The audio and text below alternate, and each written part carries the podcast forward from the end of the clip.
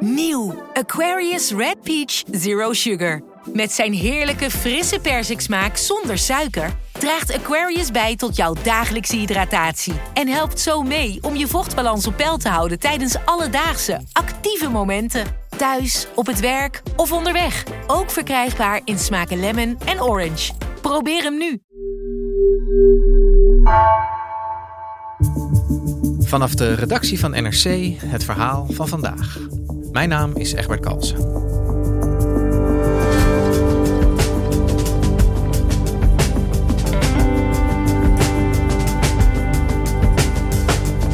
In een poging een einde te maken aan de eindeloze reeks problemen bij de Belastingdienst, besloot Wopke Hoekstra in 2020 hard in te grijpen en de dienst in drieën te knippen. De kostbare operatie maakte de problemen bij de fiscus alleen maar groter, ziet verslaggever Dirk Stokmans. Dat is precies waar medewerkers Hoekstra al voor gewaarschuwd hadden.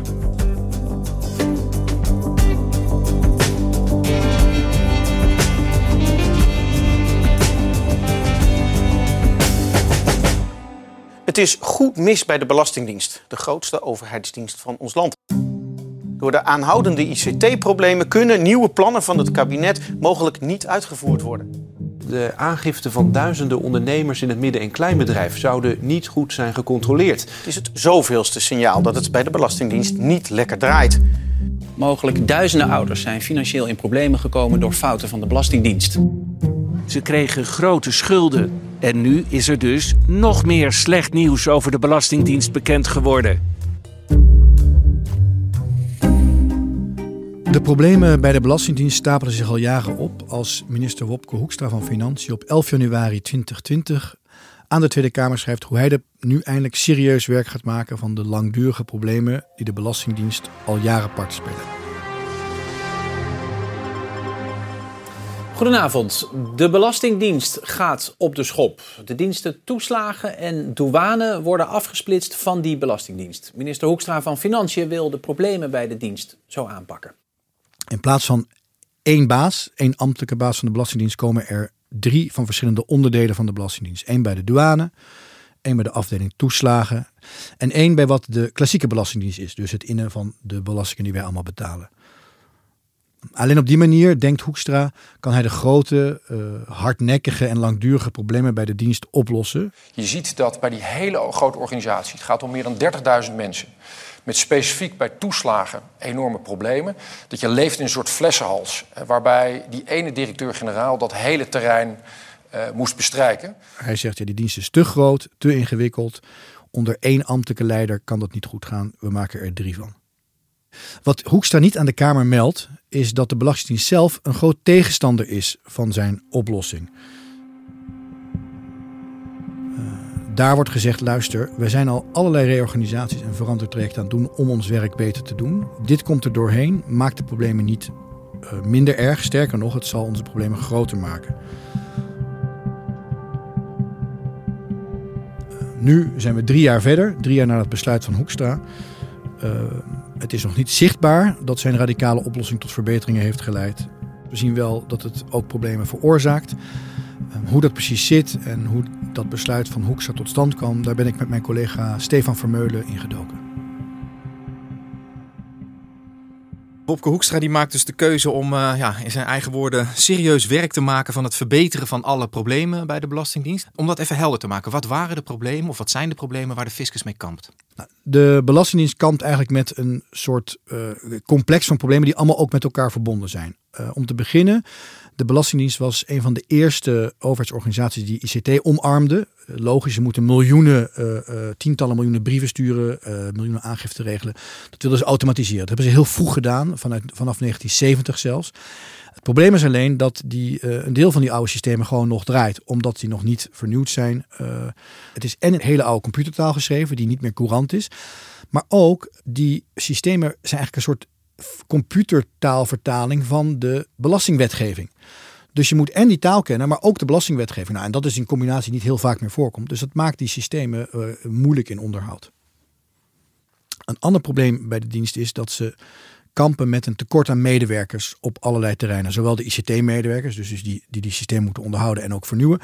Maar ook met gewoon de mensen die aangifte behandelen, de belastingtelefoon bemannen, uh, bezwaren um, uh, verwerken. Waardoor ook het kernwerk van de Belastingdienst, belastingen innen, maar ook controleren dat het goed gebeurt, steeds in de knel komt. Er is een, een groot verbeterplan net achter de rug. Uh, het idee daarvan was, we gaan de belastingdienst moderniseren. En zoals het altijd gaat in Den Haag, voorafgaand aan de verbetering ga je al mensen ontslaan om het zuiniger te kunnen doen. Dus er werd gezegd, nou, we gaan het beter doen. Dus er kunnen wel mensen weg bij de Belastingdienst. We gaan een mooie vertrekregeling installeren, zodat mensen die eigenlijk ja, in de nieuwe Belastingdienst niet meer goed passen, weg kunnen. Het probleem was alleen dat heel veel meer mensen dachten, dat is een mooie vertrekregeling, ik ga weg. Ze raakten ook heel veel mensen kwijt die ze wel nodig hadden. Dus oh, je hebt uh, tekort aan mensen, tekort aan de goede mensen, slecht werkende ICT-systemen en daardoor kan je je werk op allerlei fronten niet goed doen. En dan hebben we het nog niet eens over de affaires en problemen die uh, soms het nieuws hebben gedomineerd, zoals het toeslagenschandaal. En die Belastingdienst die, uh, is onderdeel van het ministerie van Financiën officieel. Hoe, hoe, is de relatie tussen die Belastingdienst en het hoofddepartement? Kan je daar eens iets over vertellen? Ja, die is uh, vrij slecht op het moment dat ons verhaal speelt. Um, je moet het zo zien. De Belastingdienst is een uitvoeringsorganisatie die namelijk belastingen int en toeslagen uitkeert en douane dingen doet en zo. Het ministerie van Financiën zit aan de abstracte kant van het geld. Hè. Dus die bedenkt de belastingwetgeving, die stelt de begroting op. Nou ja, dus de minister van Financiën, Wopke Hoekstra, op dat moment is verantwoordelijk voor belastingwetgeving en voor de begroting, grof gezegd. En dan heb je de staatssecretaris Menno Snel, die is verantwoordelijk voor de belastingdienst, voor de uitvoering. Dat ministerie van Financiën heeft dus wel een groot belang erbij dat de belastingdienst goed functioneert. Niet alleen omdat zij het geld binnenhalen waarmee de begroting wordt opgemaakt, uh, maar ook omdat zij de belastingwetgeving moeten implementeren, uitvoeren, die dus wordt bedacht. En wat de uh, topambtenaar op het ministerie van Financiën sterk voelen in die tijd, is dat de Belastingdienst een, ja, een, een, een vol onplezierige verrassing is. Hè. Er zijn altijd problemen, incidenten, er blijken dingen niet goed te gaan. En ze vinden altijd ze daarvan te laat op de hoogte worden gesteld. Uh, en als ze dan een oplossing eisen, komt die er niet. Uh, bij de Belastingdienst zeggen ze, ja, luister vrienden, we, we werken hier met 30.000 man, we doen ontzettend veel, het is hartstikke complex. Jullie maken het ons ook niet makkelijk, hè? want bijvoorbeeld al die nieuwe belastingwetgeving moeten we invoeren op stokoude systemen we moeten mensen ontslaan, terwijl we eigenlijk te weinig mensen hebben. Dus er is een, er is een laten we zeggen, niet een wederzijds begrip uh, tussen de ambtenaar van, het, van Financiën en de ambtenaar van de Belastingdienst. Ja. Uh, Hoekstra die is op dat moment minister, zei je al, van Financiën. Hij heeft als het plan om die dienst zeg maar uit elkaar te gaan trekken. Ja. Hoe is hij bij dat plan gekomen? In 2018, begin 2018, ontstaat er veel ophef omdat door ICT-problemen de Belastingdienst zo'n 500 miljoen euro dreigt te gaan missen aan belastinginkomsten. En in mei begint ook de toeslagenaffaire te spelen. Journalisten van RTL Nieuws en de krant Trouw duiken erin. Zij ontdekken in september 2018 dat de Belastingdienst ouders van wie die toeslag onterecht was stopgezet, bewust tegenwerkte. En mensen die het intern aankaarten, werden niet gehoord. RTL 4 en Trouw beginnen te publiceren over ouders die toeslag ontvangen, die onterecht zijn gekort, onterecht zijn beboet, in grote problemen zijn gekomen. Nou, en Hoekstra zal later in een parlementaire commissie zeggen... dat is het moment dat ik mij meer ging bemoeien met de Belastingdienst. Want die problemen beginnen ook hem te raken. In het najaar van 2018 dan, dan komen een select clubje topambtenaren... met Menno Snel en Bob Hoekstra bij elkaar. Dat noemen ze een brainstorm sessie. En Hoekstra pleit er eigenlijk voor... Uh, radicale, een radicale aanpak, onorthodoxe oplossingen... die de zaak bij de Belastingdienst ja, snel beter moeten maken. Zo kan het niet langer. Dat leidt tot een soort ja, uh, uh, explosie van gedachtenvorming op zo'n ministerie. Dus iedereen gaat elkaar lijstjes sturen. Wat kunnen we doen, wat kunnen we niet doen? Um, daar zit in ieder geval niet het voorstel bij wat Hoekstra later, dus anderhalf jaar later, uh, zal presenteren het opsplitsen. Maar dat voorstel komt wel op een lijstje terecht wat ze in een, van de vervolgbesprekingen um, bespreken. Um, dat hij erop komt, omdat natuurlijk ook uit andere hoeken van de organisatie, met name dus het ministerie van Financiën, uh, ook wordt meegepraat en gedacht. En um, daar zijn wel mensen die dat zien zitten. Dus, dus Hoekstra is eigenlijk al sinds, sinds 2018, zou je kunnen zeggen, aan het voorsorteren uh, op, op dat opsplitsen van die dienst. Um, hoe, hoe wordt daar binnen de Belastingdienst op gereageerd? Nou ja, in eerste instantie, als het idee eerst opkomt, wordt gezegd: uh, Nou ja, interessant idee. Kunnen er best een keer onderzoek naar doen, why not? Maar laten we het nou niet nu doen, want we hebben al een hele hoop reorganisatieplannen, ICT-verbeterplannen. Allemaal plannen om de belastingdienst beter te maken. Die lopen, die maken we nooit af. Dus het gaat al traag, het gaat al moeizaam, we zijn al moe. We hebben ook nog eens de belasting om te innen. Gooi je nou niet nog iets overheen? Dat is geen goed idee, dat gaat ons niet helpen naast zeg maar, die organisatorische bezwaren is er ook een, een uitvoeringsbezwaar. Namelijk, kijk, ja, uh, douane is iets heel anders dan belastinginning en toeslagen. Het geld uitkeren aan burgers is iets anders dan het innen van geld van burgers. Maar voor een deel gebruiken die uh, verschillende onderdelen bij de Belastingdienst wel dezelfde computersystemen. Dus je kan, uh, zeggen ze bij de top van de Belastingdienst, ehm, niet zomaar die diensten van elkaar lossplitsen. Dat, dat is een recept voor ellende, zeker gezien de staat van die systemen dat is het grote inhoudelijke bezwaar, zou je kunnen zeggen. Ja. De ambtenaren van de Belastingdienst die wijzen dus zeg maar, ja, zowel op, op organisatorische problemen als op, op de verwevenheid van het systeem. Hè, waarom het volgens hun geen goed idee is om de boel uit elkaar te trekken. Hoe, hoe reageert Hoekstra daar vervolgens op? Ik heb niet de indruk dat er een, iets tegenover wordt gezet. Er wordt gezegd, ja, dat moeten we goed uitzoeken. Maar eh, in september 2019, want daar zijn we nu, eh, is er weer zo'n moment dat Hoekstra gewoon zegt van ja, ik, ik wil gewoon dat, hier, dat we dit gaan onderzoeken nu. Het splitsen van die Belastingdienst.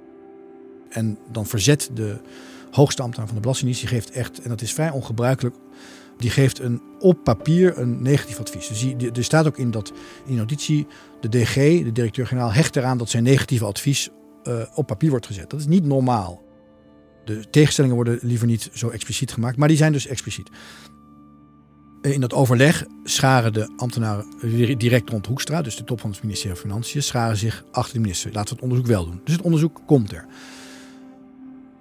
Nou, wat interessant is om te zien, is dat uh, Menno Snel zijn uh, gezag uh, en zijn politieke positie, ja, dat bokkelt af. afhandelen van toeslagaffaire gaat niet soepel. Op 18 december treedt hij af. En dan is natuurlijk geen staatssecretaris meer voor de Belastingdienst. De enige die op dat departement nog politiek is, is Hoekstra. Dus vanzelfsprekend neemt hij direct de, de, de regie. Nou, um, inmiddels zijn we begin januari, vlak na de kerstvakantie dus, uh, 7 januari 2020. Er is die dag een gesprek uh, tussen de onderzoekers die uh, de opsplitsing moeten onderzoeken. Die mensen zijn net begonnen. Hebben eigenlijk in de agenda een soort kennismakingsgesprek met Hoekstra staan. Om zijn positie eens te horen. Wat vindt hij er nou van? Maar Hoekstra vraagt ook om een versnelde tussenbalans. Vertel eens wat je eigenlijk al denkt. En ze zeggen eigenlijk: oké, okay, afsplitsen. Maar ze zeggen: nou ja, de douane zou je kunnen doen, maar die is al vrij uh, autonoom. Dus dat levert niet zoveel op qua betere besturing of betere uitvoering. Dus dat zou overbodig zijn. Toeslagen zeggen ze, ja, dat is een heel complex dossier. Daar gaat ook veel mis. Nou, uh, dat is wel duidelijk inmiddels. Dat zou misschien wel helpen, uh, een belangrijke bijdrage zelfs kunnen leveren aan de bestuurbaarheid van de dienst. Maar ja, te snel en geheel geeft grote risico's voor de dienstverlening aan burgers. Hè, dat, die, ver, die vervlochtenheid van die systemen. Nou, en wat heel opmerkelijk is, is dat deze onderzoekers zijn dus nog net begonnen, verwachten nog minstens vijf maanden nodig te hebben om een doorvrochte, grondige onderzoek te doen naar de voor's en tegens, hoe je het zou moeten doen. Maar uh, ja, Hoekstra wil gewoon doorpakken. Uh, diezelfde dag dat Hoekstra dat gesprek heeft met die onderzoekers, uh, krijgt hij ook een mailtje van zijn hoogste ambtenaar. Dat is Manon Leijten, secretaris-generaal van het ministerie. Dat is de hoogste ambtenaar van zo'n ministerie. En die schrijft eigenlijk, uh, Beste Wopke, ik ben met, bij wat andere uh, collega's van mij, andere secretaris-generaal op andere ministeries langs geweest. Uh, en die kunnen zich vinden in de voorgestelde koers om de besturing, de opsplitsing te doen. En we gaan aan een Kamerbrief werken. Die brief die dus binnen zes dagen naar de Kamer gaat. Begin januari 2020 wordt die brief naar de Kamer gestuurd, waarin gezegd wordt: we gaan die dienst opsplitsen. Um, wat gebeurt er dan? Hoe gaat dat dan vervolgens? Nou, Hoekstra stuurt die brief, uh, Kamerbrief op zaterdag naar de Kamer. Een heel gek moment. Meestal gaan Kamerbrieven door de week. Het is ook heel gek omdat de Belastingdienst nog van niks weet. Dus de organisatie van 30.000 mensen en de directie die is niet meegenomen in die brief en het besluit. Uh, en het is misschien goed om te melden dat inmiddels in dat weekend ook de hoogste ambtenaar van de Belastingdienst is afgetreden. Ook daarvan weet dus de hele Belastingdienst niks. Dus ze krijgen een soort uh, uh, dubbele klap. En hun baas uh, gaat weg en hun organisatie wordt opgesplitst. Dat is, dat is het algemene idee. En Wop Hoekstra zelf doet een videoboodschap, laat die plaats op internet en zegt ja, het spijt me vreselijk dat ik het op zaterdag moest sturen, maar het begon al te lekken, even in mijn parafrase. Ik had jullie graag eerst willen inlichten, maar oeps, dat is niet gelukt. Um, nou, binnen die dienst, uh, de vakbonden en de ondernemingsraad zijn woedend. Uh, die zijn gewend om bij dit soort uh, potentieel grootschalige ver veranderingen toch ja, iets te zeggen te hebben. Voordat het al besloten wordt. Ja, het is toch eigenlijk ongelooflijk dat dat niet met de mensen gedeeld is waar het over gaat. Nou ja, zij vinden het in ieder geval zeer ongelooflijk. Ja. En er is ook heel veel kritiek uit de Kamer daarop. Um, Kijk, het onderzoek is ook niet af. Hè? Dus het idee is natuurlijk, laat, het is een, uh, niemand ontkent dat het best een, een, heftige maatregel is. Want het is ook een radicale, onorthodoxe oplossing. Dus ook in de woorden van Hoekstra is het een, niet zomaar business as usual. Het zou niet bizar zijn om dat goed uit te zoeken voordat je het doet. Ja. Dus, dus de politieke knoop is doorgehakt, de, het besluit is genomen, de dienst moet gesplitst worden. Hoe, hoe ziet dat er dan in de praktijk uit? Wat gebeurt er vervolgens? Ja, het gekke is ook als je die Kamerbrief leest van Hoekstra, waarin hij dat dus aankondigt. Hè, ze dit, dit, ja, zoals het nu gaat, gaat het niet, we moeten dit doen. Daar staat eigenlijk ook weer heel weinig. Want er staat ook, ja, de mensen die we gaan aanzetten, de nieuwe topambtenaren, ik zeg het even mijn woorden, die moeten maar uitzoeken hoe, wanneer, of en op welke manier. En op welke, hè, dus eigenlijk is er geen plan. En een paar weken na dat besluit om op te splitsen, is hij alweer niet meer verantwoordelijk, omdat er nu de opvolgers van Menno Snel zijn aangesteld. Dat zijn er nu inmiddels twee, hè? dat heeft ook met die opsplitsing te maken. En die moeten dus verder gaan uitzoeken. In augustus 2021, dus een, paar, eh, dus een jaar, anderhalf jaar na het besluit, zegt Velbrief, dat is de staatssecretaris die verantwoordelijk is voor de Belastingdienst in de Kamer, dat er eigenlijk weinig is gebeurd. Hij zegt, tot nu toe is de ontvlechting onder mijn leiding in een bijzonder laag tempo gedaan. En hij suggereert ook dat, dat hij zegt, ja, de Kamer had wel zoveel kritiek op het plan dat ik dat niet zag als vrijbrief om er eens lekker mee aan de slag te gaan. Ja. En, en die, het feit dat het zo langzaam gaat, hè, die concrete opsplitsing, heeft dat dan ook te maken met die bezwaren die die ambtenaren van de Belastingdienst zelf al op tafel hadden gelegd, waarmee ze zich eigenlijk tegen die splitsing hadden gekeerd? Ja, er zijn best wel wat uh, mensen die we spraken, uh, bijvoorbeeld bij de bonden, die zeggen van ja, weet je, um, het heeft dingen wel lastiger gemaakt. Want wat je, omdat ze zoveel dingen delen, um, Vroeger had je één iemand die verantwoordelijk was voor die gedeelde voorzieningen uiteindelijk. En die bepaalde dus wat daarmee gebeurde. Nu heb je drie onderdelen met elk een eigen belangen die met van dezelfde systemen gebruik maken. En dat leidt soms tot padstelling. Of wat gaan we nou bijvoorbeeld aan dat ICT, wat systeem wat we allemaal gebruiken, wat gaan we daar nou aan doen? Gaan we A, B of C doen? Nou, misschien is voor dienst 1 A wel interessant en voor dienst 3 C. En dan komen ze er misschien niet uit. Het kost ook veel extra geld en energie, hè, want het moet allemaal natuurlijk ook georganiseerd worden het, is, het is heel veel uh, ingewikkeldheid erbij. Zoals uh, uh, de mensen die wij zeker zeggen van nou, elke cent, elke persoon, elke seconde die erin steekt, gaat eigenlijk ten koste van de echte dingen die we bij de dienst moeten oplossen. Ja.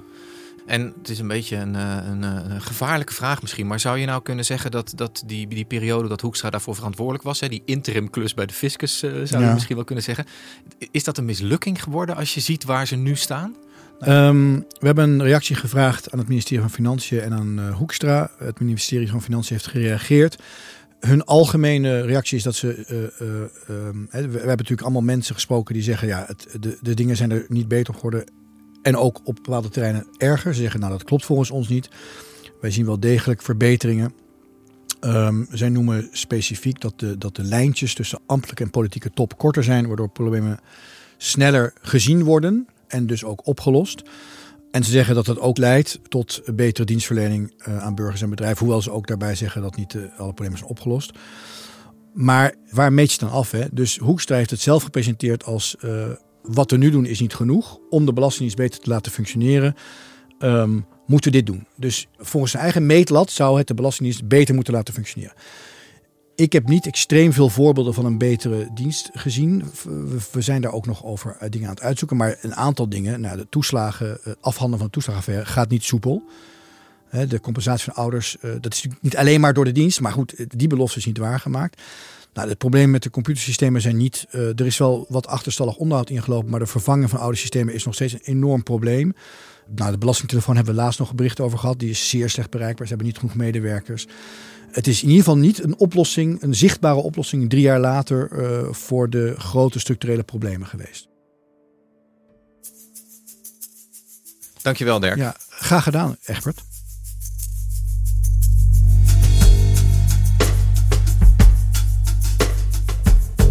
Je luisterde naar vandaag, een podcast van NRC.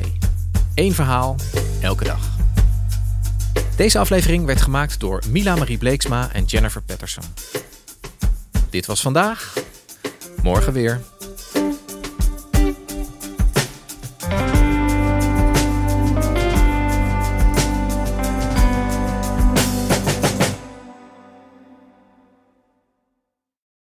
De financiële markten zijn veranderd, maar de toekomst, die staat vast. We zijn in transitie naar een klimaatneutrale economie.